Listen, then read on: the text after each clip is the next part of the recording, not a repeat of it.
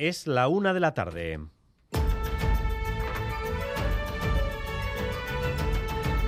Crónica de Euskadi con Dani Álvarez. Arrachaldeón, cambio climático es un término que parece quedarse oxidado a toda velocidad viendo lo que nos sucede en Euskadi y en toda Europa. El verano prolongado hasta el mes de octubre impacta en unas temperaturas de récord, en una escasez de lluvias con pocos precedentes y en el calentamiento progresivo de un Cantábrico que nos trae cada vez fenómenos más extremos. Y no es, insistimos, solo en Euskadi toda Europa empieza a sufrir situaciones insólitas. Natalia Serrano. La Organización Meteorológica Mundial va a dar a conocer en unos instantes registros récord de la subida de temperaturas en Europa, con las consecuencias conocidas en glaciares, sequías e incendios. El estado del clima, este informe de la organización se dedica este año además a alertar sobre las olas de calor terrestre y marinas. En Euskadi el mes de octubre ha registrado máximas 4 grados y medio más altas que hace cinco años. Un inexorable aumento de temperatura también en superficie del mar. Asti ha registrado este verano pico récord en la superficie de nuestro mar de 26 grados de temperatura. Es la emergencia climática que se manifiesta cada vez a mayor velocidad.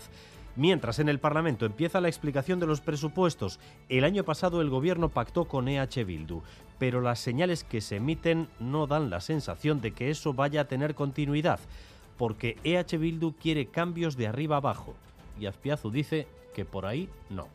Y hay que cambiar, sí o sí, el rumbo de las políticas públicas que nos han traído hasta aquí. Vamos a buscar el punto de encuentro, pero sin, sin reformas y cambios estructurales que no quepan, ¿no? y no se pueden cambiar porque es lo que tenemos que hacer, porque es lo que cree el gobierno que debe hacer dada esta situación y con los recursos que cuenta. ¿no? Las empresas del IBEX 35 hacen caja este año. No es que no les afecten la inflación o la escasez energética, es que cuanto más hay, más ganan Fermín Alberdi. Las cotizadas en el IBEX tendrán un beneficio neto de 60.000 millones de euros este 2022. Son unas ganancias para estas empresas similares a las del año pasado, aunque sus ingresos han crecido este un 18%. Más provisiones y el pago de impuestos les dejan ese margen de beneficio similar. De esos 60.000 millones, 4.000 son de Iberdrola. 300 de sus directivos se repartirán un bonus extra, el que más Sánchez Galán, que se llevará cerca de 20 millones de euros por objetivos. Tercera jornada de huelga en el metal de Vizcaya, por ahora sin visos de solución y con momentos de tensión creciente, Iñaki Larrañaga. Sí, a primera hora de la mañana en el Parque Tecnológico de Zamudio, la Arzainza ha cargado contra los piquetes informativos, identificando a cuatro de ellos, deteniendo a una persona por agresión contra la autoridad y, según denuncian los sindicatos, hiriendo al menos dos que han tenido que ser atendidos en un centro hospitalario. Ahora, en un clima más tranquilo, concluyen las dos manifestaciones convocadas en Bilbao, ELA por un lado, UGT Lab y Comisiones Obreras por otro, cifran el seguimiento de la huelga en un 85% y avisan de más paros si no hay avances en la mesa con la patronal, con FEBEM.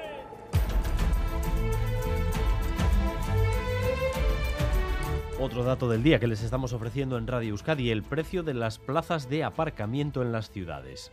Ni las bicis, ni el límite a 30, ni la peatonalización. Queremos el coche ahí, en el centro, y eso hace que suban los precios hasta por encima de los 150.000 euros por parcela en algunos lugares. La calle Zubieta es la calle más cara de San Sebastián. Eh, tenemos vistas al mar y viviendas de en torno a 2 millones, 2 millones y medio.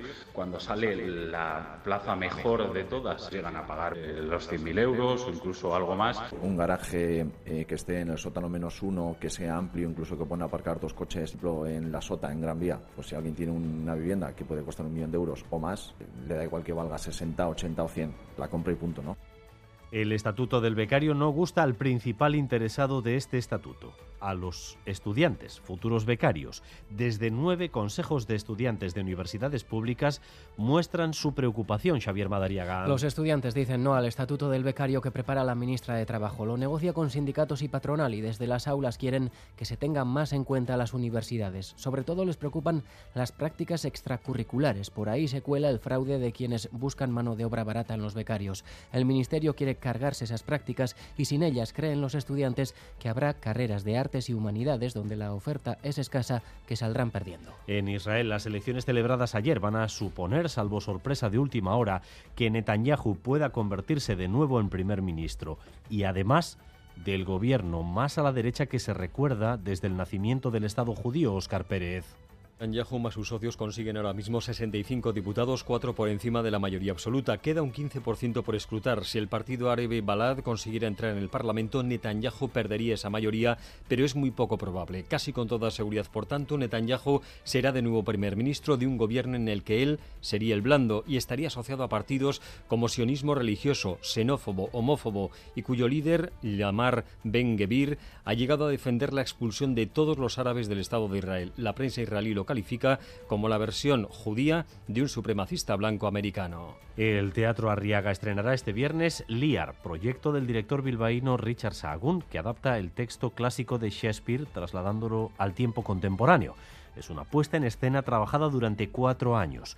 Se construye un universo donde el óxido y el hierro nos sumen en el ámbito decadente de la ambición y el odio familiar. Sahagún explica que los temas construidos por Shakespeare funcionan en el panorama social de hoy en día la ambición que estamos viviendo hoy en día a nivel mundial transita absolutamente con toda la trama que hemos planteado y eso es lo que hace que, que las distintas relaciones eh, interfamiliares eh, vayan modificándose más allá de cualquier lógica en base a la ambición que tenga cada una. Es un conflicto muy fuerte que siempre está presente en Shakespeare, por supuesto, pero que en el Rey Lear, en el momento que empieza con la primera escena repartiendo un reino, ya ahí lo tenemos, ¿no? Y vamos también con lo más destacado del deporte, Álvaro Fernández Cadierno, Arrachaldeón. Arrachaldeón, miércoles con mucha competición para esta tarde noche en fútbol, segunda división, Eibar Lugo a las 7 a esa misma hora en la Liga Femenina se juega el Levante a la vez y en baloncesto hasta tres citas europeas.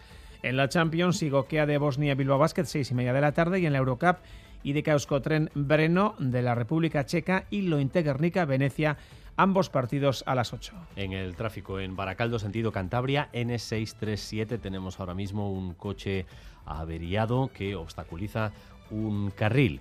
Y también el Paseo Nuevo de San Sebastián se va a cerrar a vehículos este jueves y viernes por impacto de ola en costa. Cierre el jueves y el viernes del Paseo Nuevo de San Sebastián, aviso de cara a las próximas jornadas. Rozando los 20 grados ahora mismo en Bilbao, en Donostia o en Bayona, 14 en Vitoria-Gasteiz, 14 en Pamplona. Por la tarde seguiremos con tiempo estable y para mañana, eso sí, se prevén cambios con la llegada de un frente. Gracias un día más por elegir Radio Euskadi y Radio Vitoria para informarse. Raúl González y José Ignacio Revuelta se encargan de la dirección técnica, a Itziber Bilbao de la coordinación.